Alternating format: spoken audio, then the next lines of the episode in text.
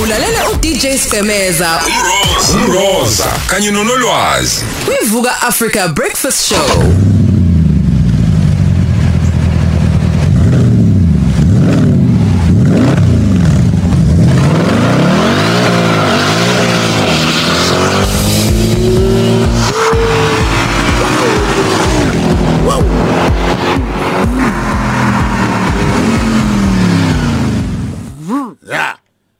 Yabona nje mina sengivele ngingazi ukuthi ngizokwenza wena ngiyakubona ngeke ilaka vele ekhalele ipayipi bese uthi hayi sesiqedile sengiyahamba bafethu seniyobheka seniyobheka kwi-page mfethu mase uma sekukhala into kanje u- u- uyini obulusa yisho uzogcina uphoqa mm.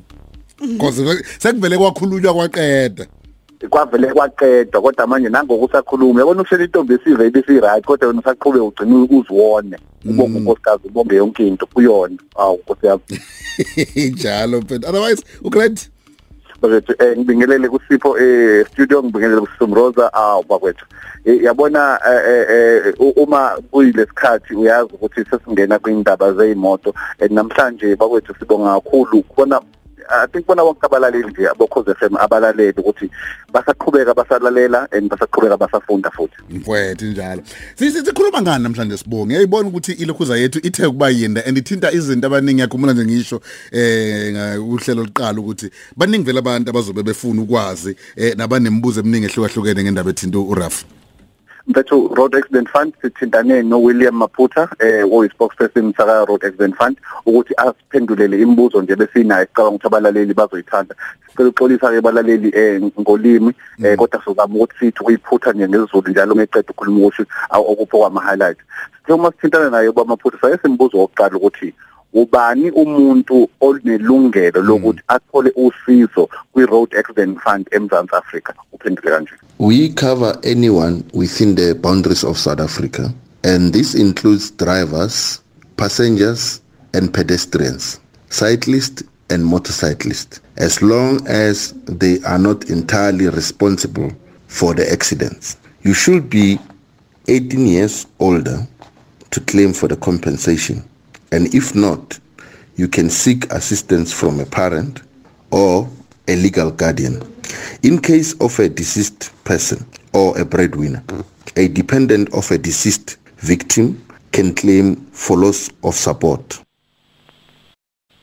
ngiyacabanga la ukuthi uma siqabula nje uthi uma kuwukuthi uba khona engozini yemoto ungumshayeli eh ungumgibeli uma uhamba ngebhayisikili eh uhamba ngenyawo eh noma uhamba ngesithuthuthu uyakwazi ukuthi u- ucele uxhaso kwi-road accident fund uma ukuthi ukukhona la iphazamiseke khona ngengozi uma ubheka isimo sakho somnotho.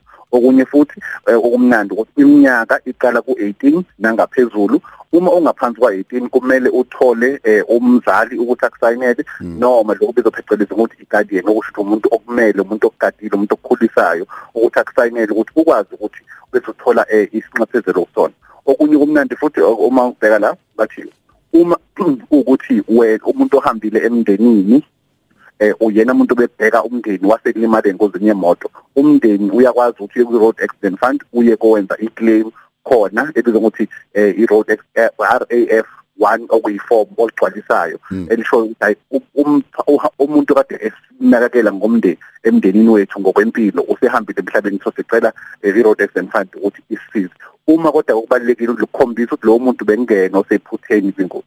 Sasesidlulela kwesibili ke ebaleke kakhulu ke sipho ukuthi yiziphi indlela abantu abangwazi ukuthi bathintane ba- ba- benze bathole ngalo usizo kwi-road accident fund. Uma umuntu ukuthi uyavumeleka vele ukuthi angakwazi ukuthi ayifake isicelo kuwona waphendula kanje There are two ways of claiming from Road Accident Fund. The first um, uh, way is that you can actually uh, individually so claim from Road Accident Fund. We provide you with the forms that you must fill, uh, and this form that is called RAF 1 is the form that is going to be able to assist you in relations to the minimum requirements that the Road Accident Fund is looking for in order for your for your claim to be processed. The second way is that you can utilize a lawyer and the lawyer will act on your behalf, will be able to follow all the processes that are required in order for you to actually, you know, claim from road accident fund. okubalekile la sipho amasemasicaphona ukuthi umuntu okokuqala uyakwazi wena ukuthi as umuntu olimele or umuntu ofuna ukuzifakela iclaim yakho Yeah. uyakwazi ukuthi uyiyele wena mathupha kwi-road accident fund ufake isicelo sosizo. Ok- uma ubheka kakhulu kujwayele ukuthi kube khona le hixihixi abantu bethu ba- ba- baya bayarobheka baya nokuthatha imali zabo. So okumnandi ukuthi umuntu useyakwazi ukuthi ayihambele yena aye kwi-road accident fund ayocela. Okunye bayasho futhi ukuthi uyakwazi ukuthi uthole abameli ukuthi bakwazi ukuthi bakumele kuleyo nto but sesiyabuza ukuthi-ke yini ekumele aba- abantu abafaka ley'celo bayigade njengoba kune- kune- kunabantu nje abadlala ngabantu khona kule khathi esisaziyo e- e- ema sikhuluma ngento zokuthi bacela imali bagcine bengayitholile kuthiwa imali ihleli kubantu abathile we advise our claimants to be very much careful about who they are actually using um, as a form of assistance to process their claims. They must actually vet whoever that they are dealing with. They must make sure that they also have the copy uh, as the proof of uh, documents that they are actually submitting. Uh, they must keep records uh, and they must make sure that they understand all the terms and conditions that are given to them by the very same people who are actually helping them. Okubalekile kumele simbeke la ukuthi ungaphambi kokuthi ukhulume nommeli noma lo muntu othi uzo- uzokwen- uzokufakela isicelo sakho ka-RAF Yeah. kumele ubheke ukuthi lo muntu uvumelekile yini ukuthi ayenze eh, isicelo sakho ngokuthi uthintane nabo okunye futhi ukuthi uthole ukuthi lo muntu akanayo yini mkhumbi kubona ka-RAF ukuthi akanayo yini ama- amaqala anawo ukuthi abantu aba- abacomplainayo abathi lo muntu lo uyasiroba um ngokwemino useyithathile imali yethu okunye kumnandi futhi-ke beka zonke i- i- imininingwane yok- yokufaka kwakho isicelo. Yonke oyinika nomuntu yenza ikhophi uyibeke kuwena ukuze uma kukhona la kuba khona inkinga khona uyakwazi ukuthi uthintane nabaka-road accident fund. Bese uyasho ukuthi ngifa- ngakhuluma nommeli othize wafaka isicelo and manje ngibona kuthuli bakwazi ukubhekela ukuthi hayi isikhokhile noma ayikhokhile. Uma ukuthi isikhokhile uyakwazi ukuthi ukhulume nabo bakwazi ukuthi bayimpantile nalowo muntu lowo. Yeah. sasithi okay-ke siyayizwa lelo yikuphi-ke la abantu abangaya khona ukuze bathole usizo directly kuzona zonke iy'nhlaka zasemzansi afrika? The Road Accident Fund have offices in all the provinces in the country. And our call centers numbers are 086 023 5523. Our website is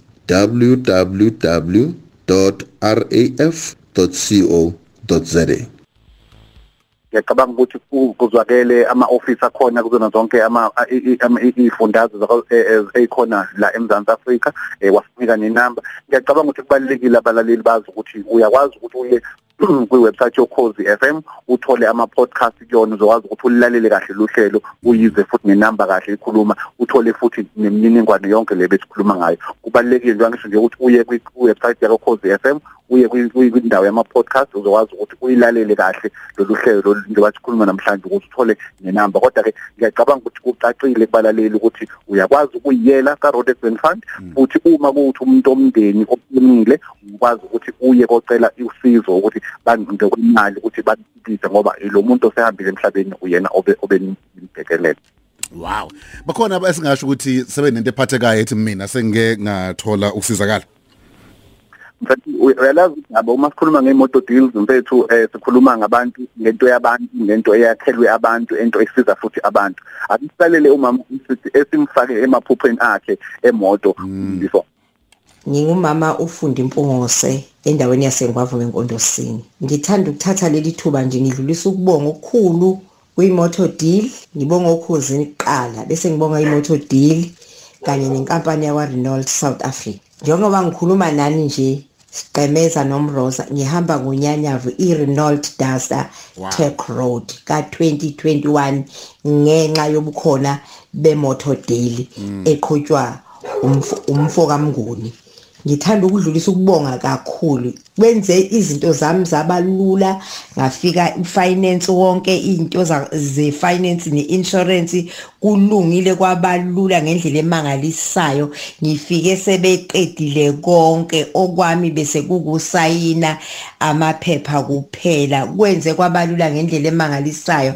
Angazi ukuthi abantu bebengenza kanjani. Bengihlale ngithi kulukhuni ukuthenga imoto kodwa ngosizo engilitholwe kwamoto deal lungimangalisile lungimangazile kube lula ngendlela emangalisayo. Ngicabanga ukuthi ngendlela okwenzeke ngayo konke uRenault ngithulela isigqoko imoto deal ngithulela isigqoko ukhozi FM kanye nalolu hlelo lavela la eh, olafakwa la eh, okhozini lwenza izinto zibe lula kodwa kumuntu olilalelayo ukhozi FM njalo. Yabona ke and lento eh, sipho siyenza mahala and okunye futhi sipho hayi ukuthi mhlawumbe konye uthola ukuthatha umuntu ngithuma ngisayina ama document ngabona imali engayandatheni kwase ngitshena ukuthi lo muntu obengisiza imali yakhe ifakwe la Commission or something, mm, mm. Ah, eh, kunaloko thina senza sure ukuthi uthola i-discount e- i- engcono kuneyabanye ngokusebenzisana. So sibonga kakhulu mampungoso sithemba ukuthi uzoyenjoya. Uma kuthi nawe-ke uyafuna ukuthi uthole usizo ukhumbule uyakwazi ukuthi u-emaile ku-imoto deals at imotoonline co za ngiphinde futhi imoto deals at imotoonline co za eh, uyakwazi ukuthi usithole kwi-facebook imoto online ku-twitter imoto underscore online ku-instagram imoto media ebese ukhumbule futhi uyakwazi ukuthola naku-youtube kuyimoto on tv uyazi-ke nje bakwethu uhlala nathi usize nathi sisize wena sikweze ukuthi sikubeke ey'ntweni. Hlala nathi mfethu ube ube ube right. Vuka nathi qala usuku lakho nebreakfast show. Ehamba phambili ukhosi FM luhamba phambili